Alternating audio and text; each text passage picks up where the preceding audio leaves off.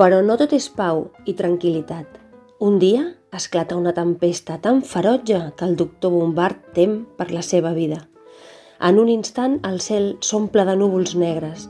Les ones són tan altes que el bot es balanceja com si fos la vagoneta d'unes muntanyes russes. Durant hores el doctor s'aferra al bot amb totes les seves forces.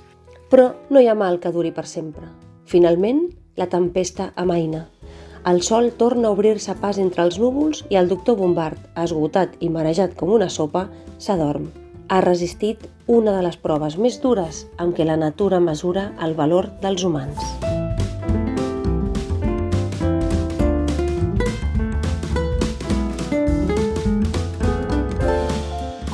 Sigueu benvingudes i benvinguts altra vegada a Tàndem. Comencem aquí un nou programa d'aquest podcast sobre literatura infantil i juvenil i mediació literària. Soc el Guillem, mestre, defensor de les biblioteques escolars i hobbit en potència. I m'acompanya, com sempre, la Marina, editora, lectora empadreïda i motivada de la vida. Hola Marina, primer programa del 2022 i ja en portem 10 gravats a BTV, eh? Com ho veus això? Guillem, uh, un, una s'acostuma ràpid a la bona vida, ja t'ho dic. És veritat. Ens costaria més tornar a acostumar-nos a, a la domesticitat, però, però això, sí, a l'Audacity, però sí, un s'acostuma poc a, molt ràpid a la, a la bona vida i comencem aquest any iniciant una nova idea, crec Vinga, que cada programa Sum, el mateix. Suma-li una altra, no passa res. Som així, no sabem estar-nos quiets.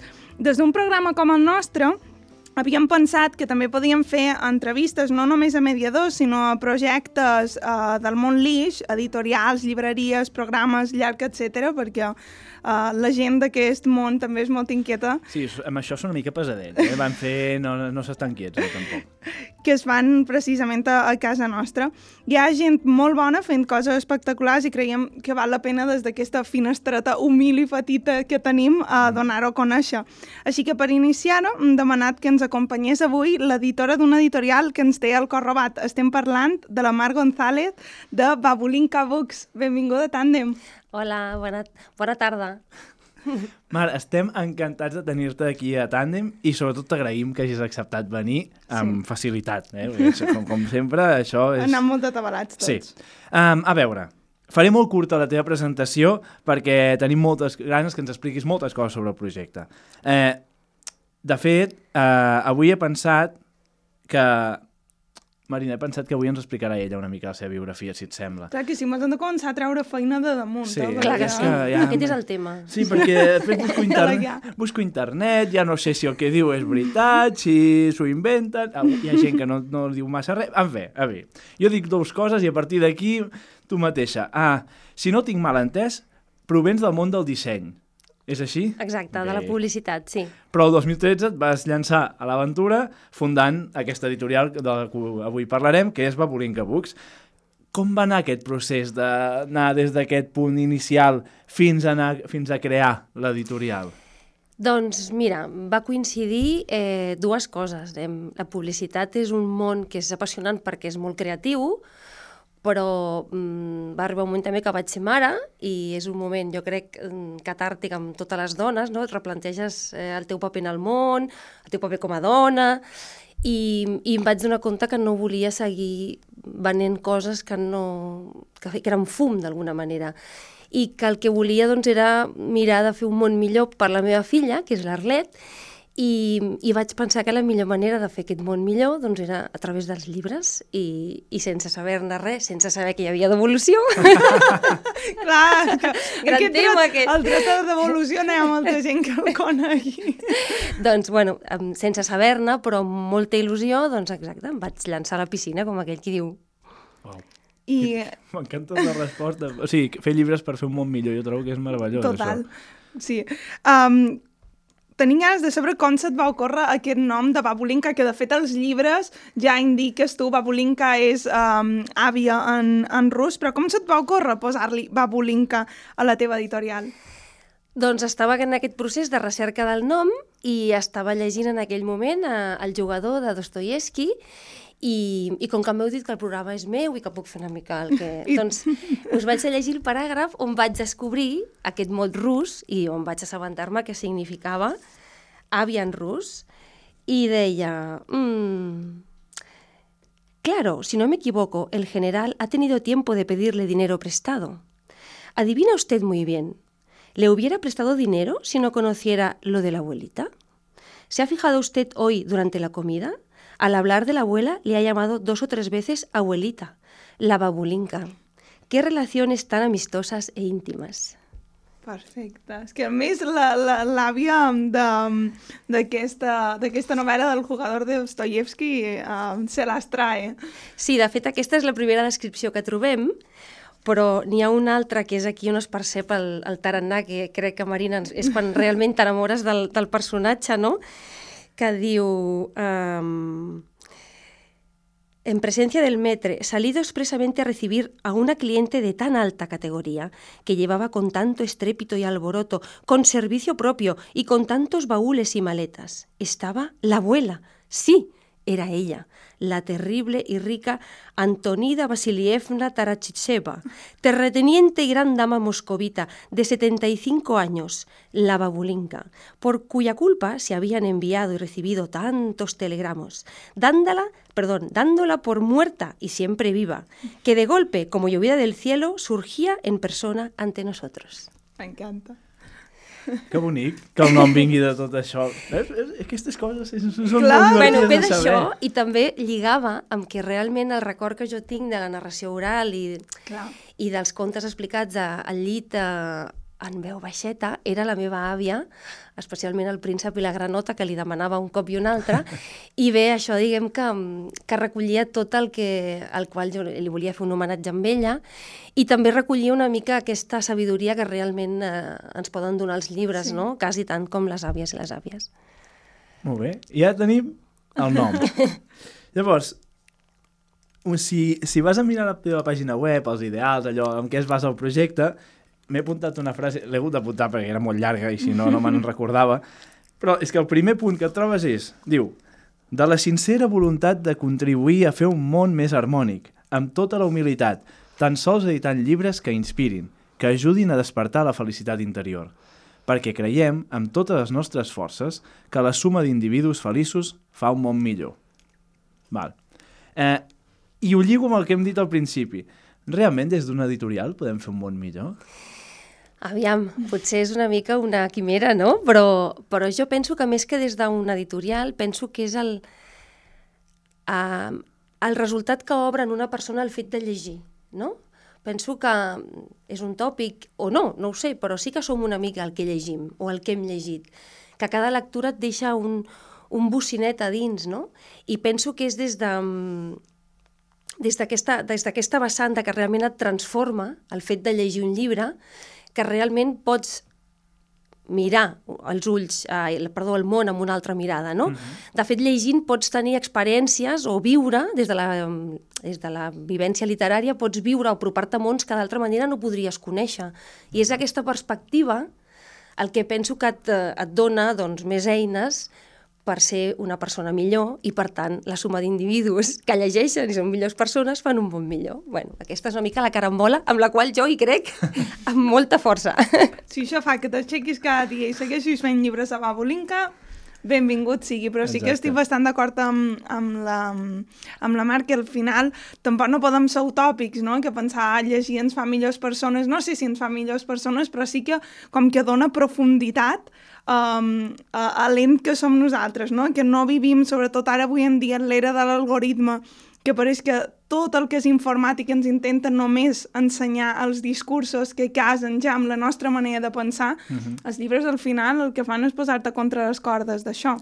És, és, és un canal molt potent, jo crec. Des de quan, quan ets un, un lector més madur, que fas la teva lectura introspectiva, amb aquests soliloquis personals que tu no? estableixes amb l'escriptor i després, en, en edats primerenques, tota la part de lectura compartida, la lectura en veu alta, els diàlegs que això genera a l'aula, a casa... No? L'altre dia, en una presentació, em va venir una àvia i em va dir cada dia li llegeixo a la meva, a la meva neta, que viu als Estats Units, per Zoom, un oh. conte cada nit, i ha sigut el nostre vincle des de que van marxar, no? Llavors, això també fa un món millor, Clar. no? El fet de poder establir un diàleg, i la literatura és un, una excusa perfecta per establir-lo. No, no, estic totalment, estic totalment d'acord. Fins i tot de manera inconscient, no? Eh, El fet de llegir potser et fa més profund o així, encara que no te n'adonis, que a vegades també podria passar, eh? que vas fent i ai, de cop recordes una cosa que va passar fa, vés a saber quan, o que vas llegir fa no sé quan. Això també... No, no. Um, anem a parlar directament del catàleg. Vinga. Anem, anem a, la, a la teca. Com descriuries el teu catàleg? Com descriuries el catàleg de Baburinka? Potser el descriuria mm, precisament una mica amb el que acabem de parlar, amb el fet de la lectura més significativa, no? O sigui, el que busco és, són, són textos, també en cada col·lecció mm, busques paràmetres diferents, no? Però sí que hi ha un, un fil conductor de que siguin obres que et facin replantejar-te coses, en els més petits també, en, en la seva, no? en, en, en funció de la seva maduresa cognitiva i lectora, no?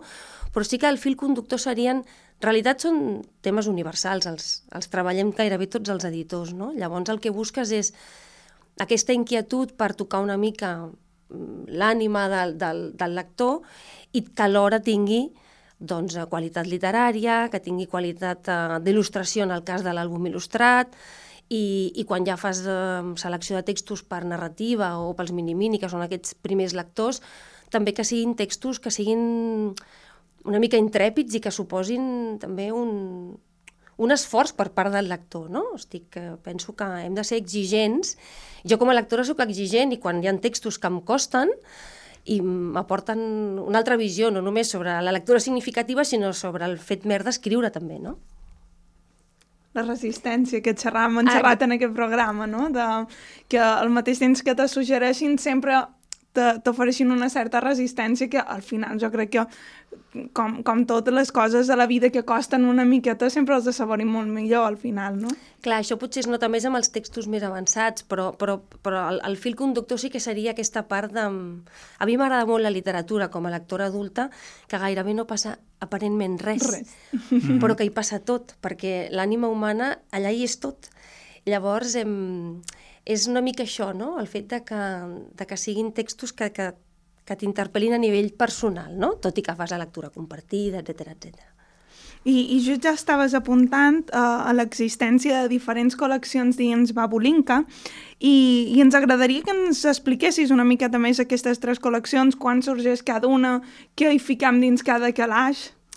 Doncs la, les primeres que van sortir, quan el 2013 vaig treure un, un llibre il·lustrat i una narrativa juvenil il·lustrada. I aquestes eren les col·leccions inicials, que era eh, àlbum i llibre il·lustrat, i les petites joies per a grans lectors, que és la narrativa juvenil il·lustrada.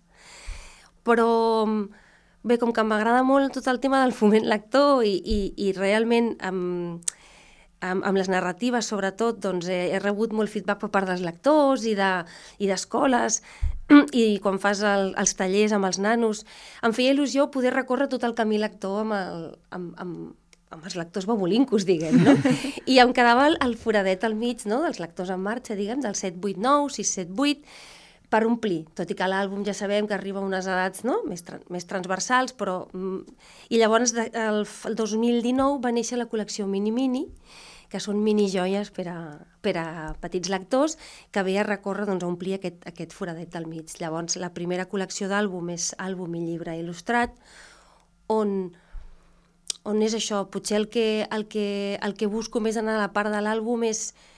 Està, està gairebé tot narrat ja, però potser el que busques és una mirada diferent sobre allò que ja sempre ha estat narrat, no? Algú, alguna cosa que, que, que plantegi una altra manera d'enfocar-ho i que la, la, la narrativa visual no? i cavalqui molt bé amb, amb la narrativa textual, busques aquest equilibri. Amb els mini-mini, textos frescos d'aquells que fan que són com carmelets, que enganxin el lector, no? I, i per això també el mini-mini, que m'ha costat dos anys que es vegi el sentit amb, amb el qual la vaig formar, perquè va sortir un clàssic i va sortir una narrativa, però ara ha sortit un còmic i, una, i un poemari. Exacte. I la idea del mini-mini és això, perquè suposo que us haurà passat que et trobes amb lectors de 9, 10, mandrosos, mm. mm, t'agrada llegir, bueno, no? I, I resulta que no han catat el còmic, que no han catat la poesia, no? I els mini-mini era aquesta idea de posar a l'abast dels primers lectors una miqueta tot els gèneres perquè vagin trobant el seu gust lector i els enganxem perquè es consolidin com a lectors. I llavors ja hi ha la narrativa juvenil il·lustrada, que ja... Aquí sí que són textos punyents, punyents, eh, el que dèiem, textos in, intrèpids o resistents, i, i sobretot ha coincidit amb una literatura bastant realista, tot i que jo llegia molta fantasia, però ara com a editora potser també penso que estem en un moment que hi ha tantes coses al voltant que, que no ens agraden com acaben de funcionar, que potser la lectura realista sembla que, que et permeti no? enfocar-ho de forma més directa, però així és el resultat del que hi ha fins ara. Que bonic. Sí, jo, jo l'altre dia pensava el mateix, dic que curiós estar tan juvenil també de caire molt realista quan jo d'adolescent llegia moltíssima fantasia, per no dir que quasi tot era, era fantasia, és curiós. Però sí, estic d'acord amb tu, em dóna la sensació que, te, que estan vivint un bon moment uh, pel que fa a la literatura juvenil realista.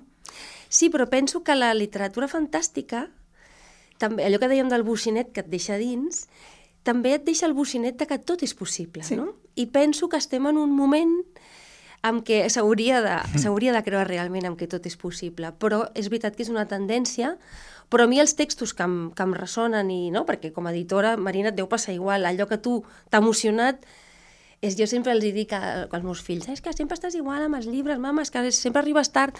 I jo els dic, i jo els dic és que jo tinc un superpoder.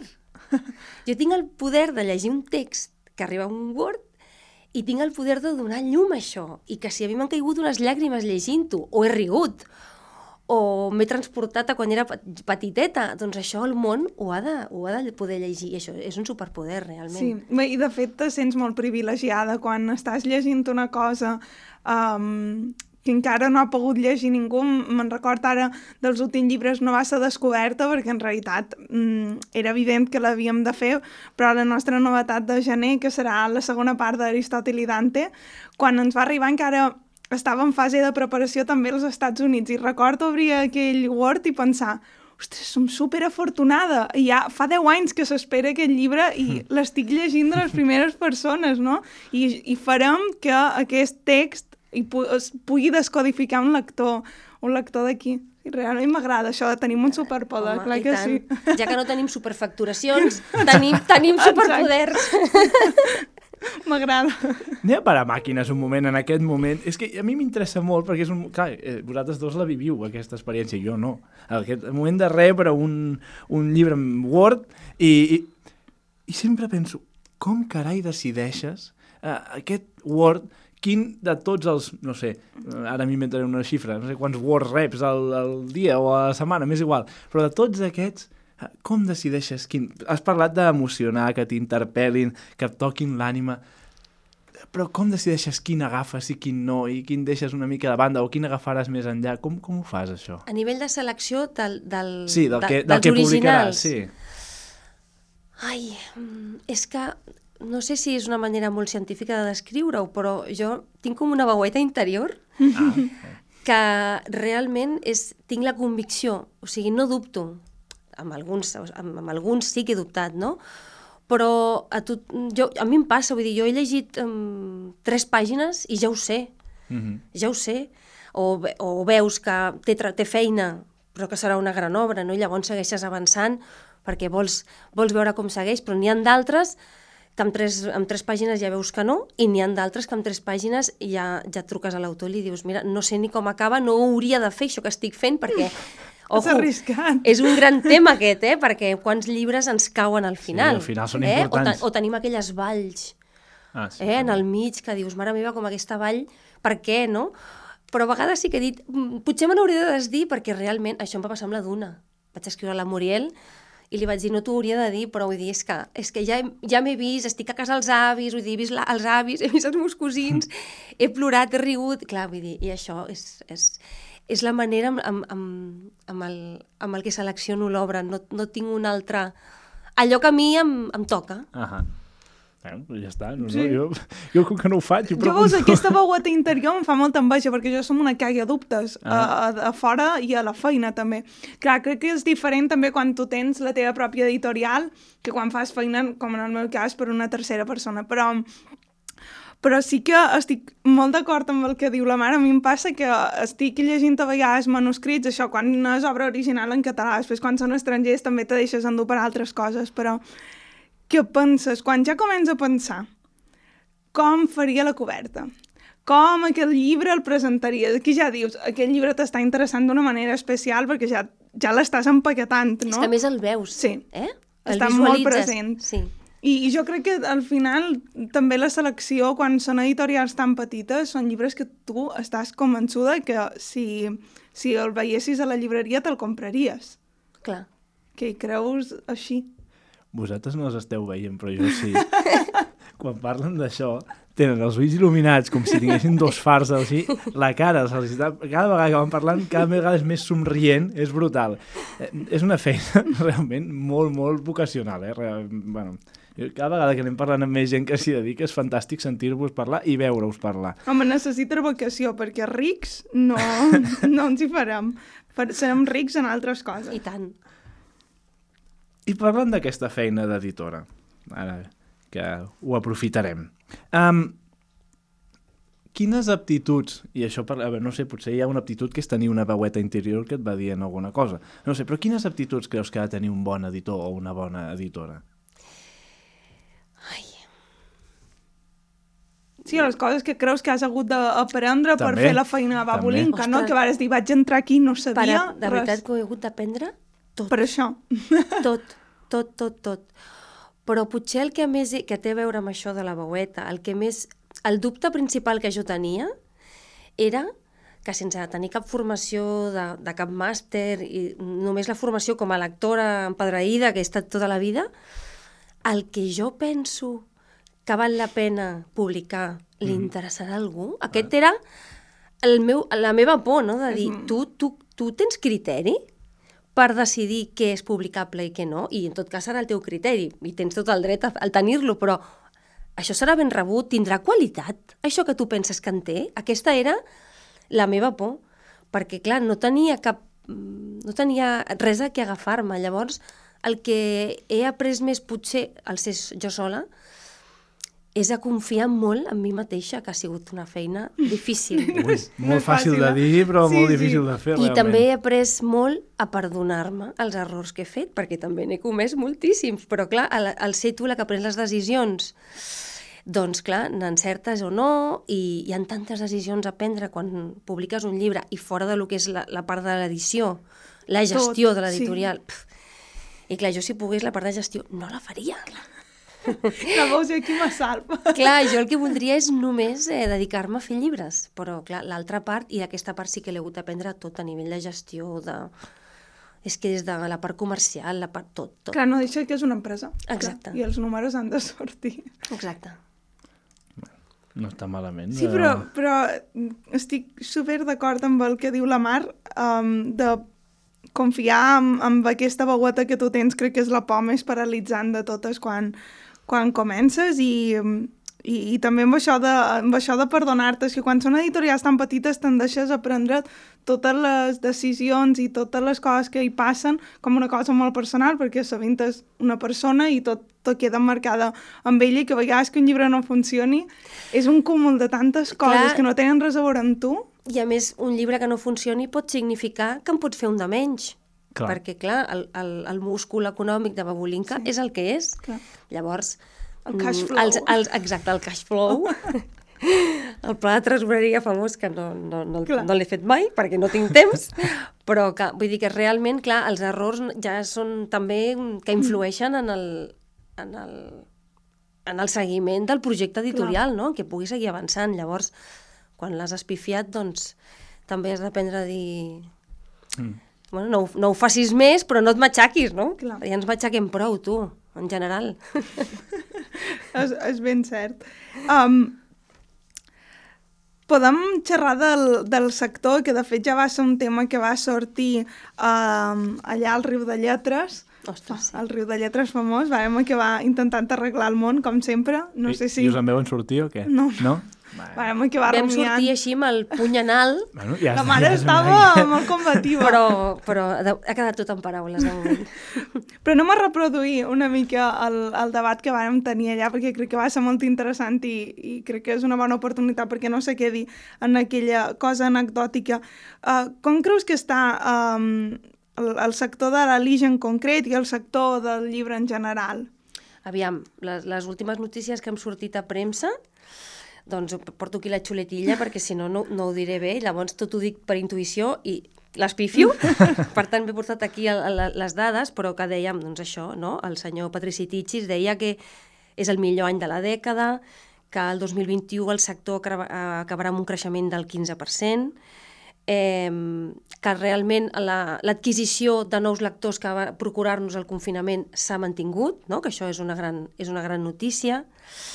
I, I també voldria citar un article que vaig llegir a La Vanguardia, que es deia Un intrus en el sofà, del Jordi Joan, que venia a dir, arral de, de, de les notícies que va publicar eh, Patrici Tixis, de que eh, per primer cop el llibre podia competir en el sofà amb les plataformes audiovisuals i de televisió, no? en el sentit de que s'estava convertint en una alternativa a l'oci. No? Mm -hmm. Ell venia a reflexionar, no fos cas que entre tanta plataforma, tanta oferta, tanta pantalla, al final el que necessitem i el que ens dona pau i una mirada no? en perspectiva és agafar un llibre i llegir-lo. No? I llavors, en aquest sentit, és una bona, una bona notícia i la Lix no, mm, eh, també està seguint aquest camí ascendent. Aquí tinc la xuletilla de la Lix i, i que ja representem el 13% del volum total del mercat del llibre. Llavors, això és, és una bona notícia, però penso que segueix havent-hi un repte amb, amb, amb créixer amb el nombre de lectors, no? Perquè l'altre dia la Lara crec que deia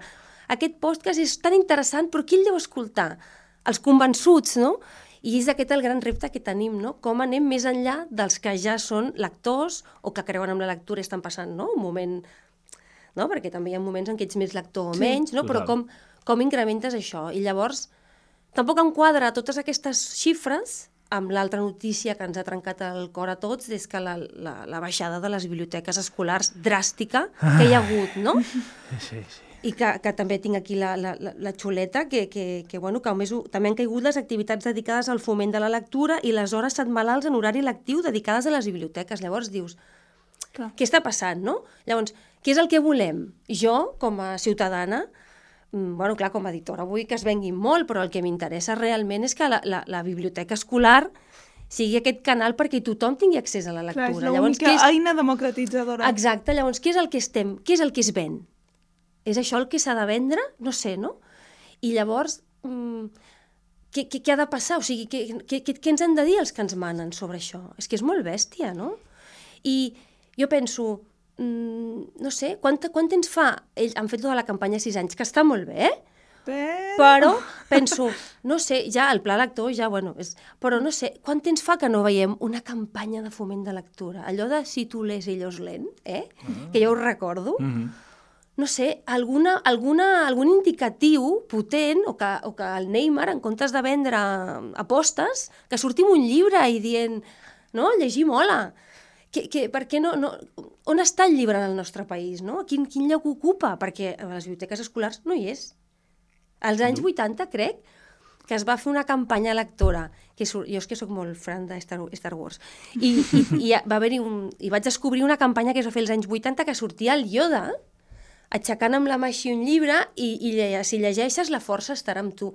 I es va, es va, l'índex de lectura als Estats Units va créixer moltíssim. Llavors, què estem esperant? No? No sé, fem alguna cosa. Llegir és xulo, no és només una cosa de lectura obligatòria, és que saps? Clar, és que la, la, el tractament que li donem en aquest país fa que els lectors mmm, quan, quan tu presentes com a mestre, clar, com a mestre primària potser no passa tant, però um, el que em comenten els professors d'institut és que quan tu demanes qui llegeix a classe, tu saps que hi ha més alumnes que llegeixen, però no aixecaré la mà perquè no vull ser el friqui de la classe. Però clar, és que si li donem un tractament de doncs això, que llegir no mola, perquè és que no, no ho veus en el teu dia a dia. No ho veus en el dia a dia i no veus una, no? un, no veus que des de les parts que realment podríem fer de les institucions públiques perquè això s'inverteixi, els importi.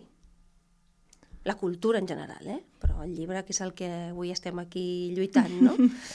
Llavors, bueno, les llibreries independents també les, no? estan obrint-se un munt de llibreries, vull dir que sí. el, sector està en salut, però clar, hi ha coses que no, no, no encaixen. Aquí hi ha un problema que és que, els, que tu deies, els convençuts estem molt convençuts, però després no n'hi ha tants. O sigui, a partir d'aquí hi ha una barrera que mm, no sé com s'ha de trencar, però, però hi és. I, i d'aquí no sortim, de moment. Ah, I... sí, sí, no, no, perdona. No, no, endavant. No, que precisament ho comentàvem, perquè vam anar aquest any, vam estar a la Fira de Montreal, allà a París, i clar, comentàvem quina era la diferència bàsica de sector, de poder mantenir els llibres vius molts més anys, de que els llibres fossin més econòmics, no?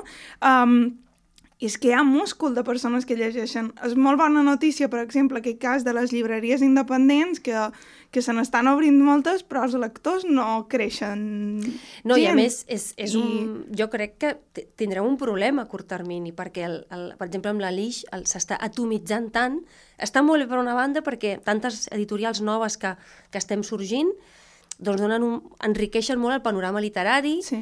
I donen una diversitat que els grans grups que venien manegant-s'ho ells sols no donaven, no?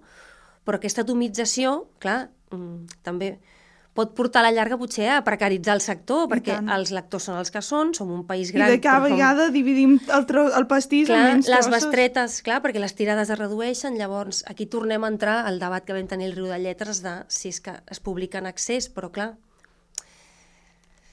clar com ho hem d'arreglar això? Perquè si també en neixen d'altres tenen... No? Llavors és, és, és, és complex, però sí que aquesta atomització um, i aquesta atomització ens porta a, a, a realment la, la, destriar el que sí s'ha de llegir i el que no, també és, és complicat pel, pel comprador, no? I tant. I per això aquí hem de tornar a defensar les llibreries especialitzades, que són les que realment fan aquesta tasca, que són les que realment treballen la prescripció lectora. Sí. A tope amb elles. Aneu a comprar Reis Mags a les llibreries especialitzades en Lis, sisplau. Clar que sí. Des d'aquí fem, la, fem aquesta crida, m'encanta. Sí, perquè és que mm, precisament eh, això, el Riu de Lletres va sortir molt el tema de la, de la queixa de que publicam massa, que, que hauríem d'aturar, no? Però és fàcil de veure-ho des de fora. Però clar, és que molt poca gent també sap com entra els diners a les editorials, perquè molta gent fins i tot gent molt ficada en el, en el món del llibre que consumeix molt, de vegades segueix pensant que va tot a llibre venut i no a llibre col·locat a llibreries. Clar, això crea com un, uh, un entrar i sortir de, de diners que, que, que és demencial, clar. Sí. Que no se pot aturar la roda. No se pot aturar a no ser que realment hi hagués un pacte sectorial Exacte. de dir anem a fer llibres de fons, anem a fer llibres que perdurin, no? Mhm. I no anem a, a col·locar mm, eh, coses oportunistes o coses per tendència o... No? I, I aquest seria l'objectiu, a fer, i, i reeditar més en comptes de publicar més. No? Potser seria la manera d'equilibrar-ho, però tots, eh, bueno, potser els oients no ho sabran, però realment la injecció pura de diner que rep l'editor és quan treu novetat, no quan Sí. sí. redita, evidentment. Exacte. No? I llavors, clar, aquí està el gran tema, no? Però jo, per exemple, de, des de que vaig néixer el 2013, no he deixat morir cap llibre, i vaig reeditant. Per això també trec poques novetats, però hi ha molta feina feta, hi ha un respecte per l'autor, no? per, pel text, pels lectors que l'han llegit i l'estan recomanant. Llavors, el llibre, per poc que puguis, i si tu hi creus, que per això l'has publicat, doncs, si l'editor no el mata, en principi el llibre viu. Mm, I si després hi ha uns bons prescriptors, uns bons mediadors que trien les bones lectures, tot això ajuda. Clar, si anem traient aquesta gent, el llibre acaba morint perquè n'hi han 3.000 davant que són novetats i com que la gent pues, mira la novetat, la resta va morint i va deixant-se... No? És, al final és una roda i, i és una combinació de, No, i, i, i aquell dia que estàvem allà, la Gisela, la, bibliote la, noia, la bibliotecària, que, que ella parlava de que també ja fins i tot la biblioteca estava amb un amb una, no? amb una espiral de compra, compra, sí, jo això compra. tampoc no ho sabia. I no, no, jo tampoc ho sabia, de dir, que ja arriba un moment que, no, que, que, que comprem tant que tinc la sensació que en comptes de fer de bibliotecaris el que fem és adquirir llibres, forrar-los, no? I al cap d'uns anys, que, jo, clar, que fins i tot els han de destruir, llavors... Clar. Perquè Sí per qui, que- clar, qui no hi va ser, la Gisela explicava el cas um, d'entrar dins aquesta roda, que les biblioteques, um, que ells fan adquisició bibliotecària, que també per les editorials això és, un, eh, és, és una compra important, però que han d'anar comprant tantes coses que les esporgades de cada vegada es fan de llibres més recents Ja. Sí. no? i que és entrar dins una roda d'esporgar de, per comprar més, esporgar per comprar més. Clar, això, això és insostenible. És insostenible, realment. Anem a parlar de llibres ben fets, va. No, perquè hi havia una pregunta que tenim aquí apuntada al final i que jo volia fer abans que se'ns acabi el temps. Um, clar, la manera que tens de fer llibres o, o com expliques, com fas llibres, i sí que parles d'aquests tu, l'editora, no sé què, a mi em suscitava preguntar, d'alguna manera eh, busques la col·laboració amb d'altres especialistes o d'altres professionals, encara que no siguin del món de l'edició, per crear els teus llibres, um, o no, o senzillament vas... Uh, amb il·lustradors i escriptors no, i tot home, això. sí que és cert que tinc les, les meves llibreres de, de, de confiança que realment um, hi ha vegades que un text el veus però no el veus, no? perquè més és això, hi ha vegades que has llegit el, un original i t'ha entrat, però te'l tornes a llegir i dubtes, i quan algun cop, algun cop he tingut això, sí que mm, he demanat un cop de mà de dir, escolta'm, ja no veig res. Mm. Penso que no, però ah, potser sí. I llavors sí que he, anat a, he demanat ajuda i, i evidentment treballo amb la Neus Jordà, que em porta la premsa, treballo amb la Maria Sant Salvador, que és la directora, que és, que és la que sempre m'ajuda a maquetar els llibres, amb els traductors magnífics, o sigui, tots els col·laboradors externs mm -hmm. amb els quals em relaciono per haver de crear un llibre, però... Mm, no, potser d'aquí uns anys el psicòleg em caldrà, però de moment no. Els col·laboradors habituals li haurem d'agrair els llibres.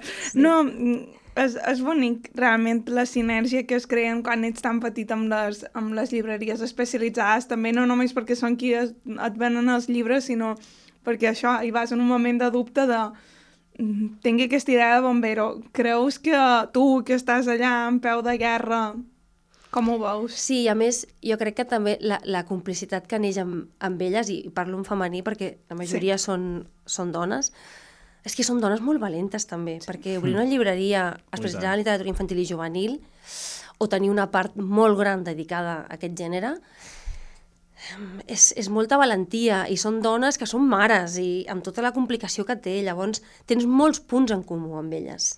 La passió per la literatura i al final um, és un de les dels avantatges de ser tu sola, que com que tot ho fas tu, doncs tots els vincles també els crees tu i jo tinc, tinc amistats molt boniques i, i molt profundes, saps? Que també, com que són grans lectores, et sents molt petita. Jo, llegint i conversant mm. amb elles, em, ostres, tinc allò, ostres, això no ho he llegit, hòstia, això encara no he tingut temps.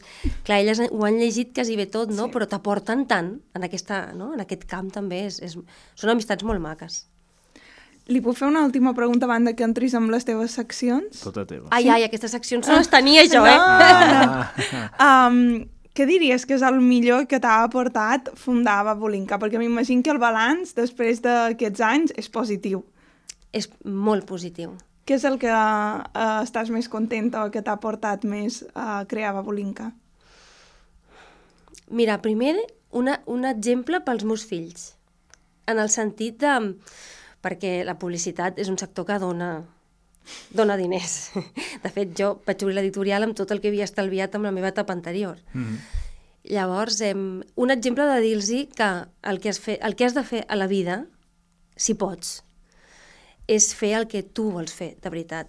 Perquè has de passar tantes hores treballant que més val que t'apassioni el que estàs fent, perquè llavors sempre seràs feliç, és, eh, em sembla, sembla molt teletubi, però és veritat que si, tens, si et sents desgraciat en el teu ofici, són moltes hores i, sí. i, i aquesta sensació de frustració després la portes a tots els altres àmbits de la teva vida. Llavors, per mi és important que la teva professió eh, t'agradi i t'apassioni. Llavors, va ser un exemple de dir no és això el que és important, el que és important és fer alguna cosa que t'agradi i, i també després llibres dels quals me'n sento molt orgullosa, o sigui, que la gent hagi pogut, que els lectors hagin pogut llegir el banc blau, o la duna, o la maleta, o ara la rastellera, mm, són llibres que ojalà em, sobre, em sobrevisquin mm. i que és, és, em fa molta il·lusió poder deixar aquest llegat no? Pel, pels futurs lectors, la veritat és que és, és emocionant. M'encanta que hagi triat aquests títols, perquè mm, per jo són títols que m'agraden molt, que són molt importants, així que... No, no, i a més a més, lliga molt amb una pregunta que et faran ben aviat, perquè... Quin spoiler! Sí, sí, perquè aquesta me l'he escoltat perquè l'he fet jo. bueno, l'he fet jo, l'he gravat jo i per tant la sé. Sé la pregunta que et farà un nen, en aquest cas, i a veure què, què respons.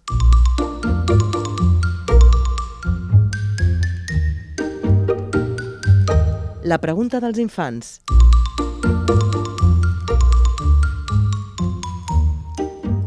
Llibre que t'ha agradat més? Es referia a quin és el llibre que t'agrada més publicar. Mm, això és com quan si tens dos fills, quin és Clar. el que És que n'havies dit, n'has dit 3 o 4 he pensat, ai, ara veurà. Ara t'ho posaran complicat. Ai, ai, ai. Clar, ells no en tenen de compromisos. Ai, és que... mm, Ai. Mira, en diré, no puc triar-ne un, n'he de triar dos, perquè representen coses diferents. Perfecte. Val? Llavors, triaré el Banc Blau perquè, perquè va ser un llibre que um, per mi va ser un pas eh, com a editora. Vaig, vaig, vaig veure que havia, fet un, que havia publicat un llibre madur, eh, arriscat, eh, que tenia molts valors que eren els valors que jo mm, em van vibrar, no? la tolerància, la llibertat, no? la, el fet que en, aquest, en el banc blau hi cap tothom, mm. i, i perquè mostra molt bé també l'amistat que pots establir amb els teus col·laboradors, que jo, per exemple, amb l'Albert Asensio des de llavors tenim una amistat preciosa, i el triaria perquè va ser també el Premi Llibreter i perquè per mi va representar moltíssim per l'editorial i moltíssim per l'Albert també. I l'altre que triaria és Duna, perquè és una mica um, tantes edicions publicades, tantes reedicions i tants missatges dels lectors. O sigui, aquest ha sigut realment el llibre que m'ha donat més resposta per part dels lectors a, a totes les escoles, demanant la segona part. O sigui, ha sigut una, bueno, que realment ha sigut una experiència increïble poder donar veu a la Duna i conèixer la Muriel, però en aquest sentit el, el, el poso en, en valor per la quantitat de reedicions i la quantitat de lectors que m'han dit que és el llibre de la seva vida i que feien el que jo feia. Quan un llibre m'agradava molt, no el vull... llegia una pàgina al dia, quan em quedaven poquetes pàgines, perquè, no no, se m'acabés. I em deien, és que no me'l vull acabar i llegeixo una pàgina cada dia. I clar, això No té preu. no té preu. Bueno, I que a més la Muriel ha fet aquesta reivindicació moltes vegades de mm, quan, quan es parla de la menys tinguda, que ella que és autora d'adults i, de, i de literatura infantil, que diu és que com pot ser que el, el llibre que tinc en literatura infantil sigui el més venut de tots els que jo tinc i en canvi no li hagin, li hagin fet tan poc cas, per dir-ho d'alguna manera, des, de, des dels mitjans i des dels de, els entrons de, de prestigi de, de la cultura, no? Clar, és que aquí tenim una altra contradicció, no? Sí. És a dir, la, la LIX som un, un, volum, un volum important del, del sector, no? a nivell de facturació, estem creixent, som els que creem els lectors dels, del futur, és a dir, que ens haurien de fer la ola. Sense saps? nosaltres demà no mengeu. Exacte, o sigui, si nosaltres no fem bona literatura infantil i juvenil, fem bons lectors, tots els que treballeu adult, adeu-siau. Llavors, ens haurien de... No sé, hauríem de ser el gènere gran i no el gènere petit, saps? Sempre el gènere secundari. I, i això ho vaig dir aquell dia a Riu de Lletres i ho torno a dir. El que no pot ser és que quan eh, es, es donen, s'atorguen uns premis en els titulars dels diaris sempre surti el d'adults. Sí. I el d'infantil i juvenil o el d'àlbum il·lustrat sortim al final de la notícia amb dos línies. Llavors, Clar. aquest, ja, ja no és només que ens facin cas, com a mínim que ens tractin igual, Sí, no? És molt injust. és molt injust. Queda la reivindicació gravada. Un dia saps què hem de fer? Hem de fer una tertúlia literària i portar periodistes, I els incriminar. prescriptors de l'ix versus periodistes que no prescriuen l'ix. Ma- I, que, i, que, i, que, mm, I el debat està servit. M'apareix molt bé, fem un plató de salva melix. Exacte. eh, aquí. No teníem noves idees per, per apuntar, doncs vinga, doncs una vinga. més. Um, I et deix amb, amb l'altra secció del Guillem.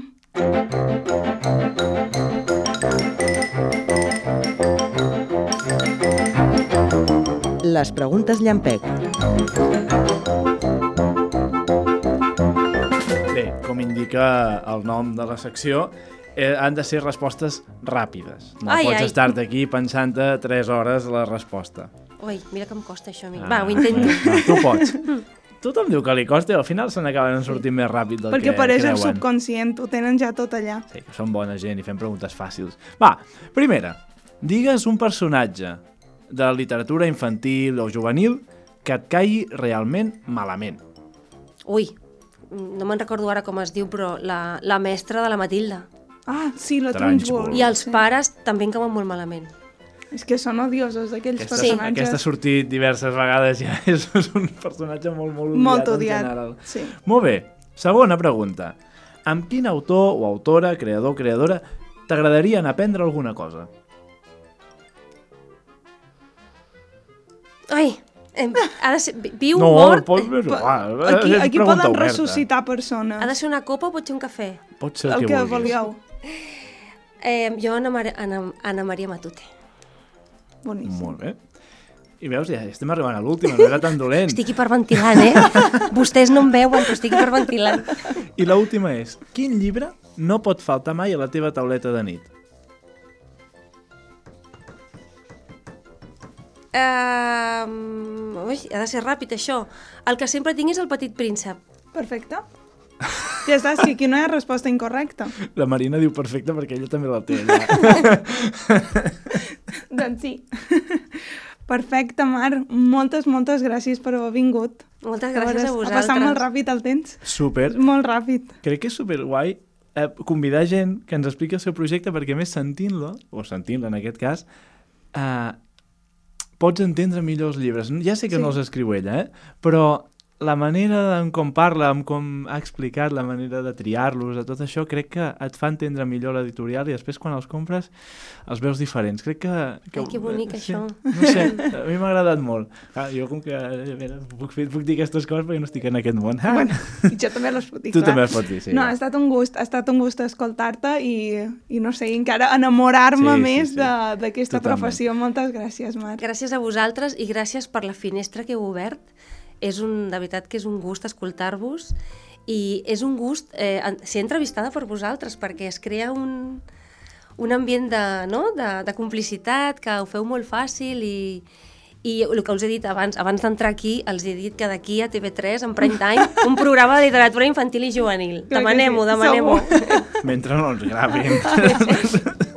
Gràcies. Gràcies.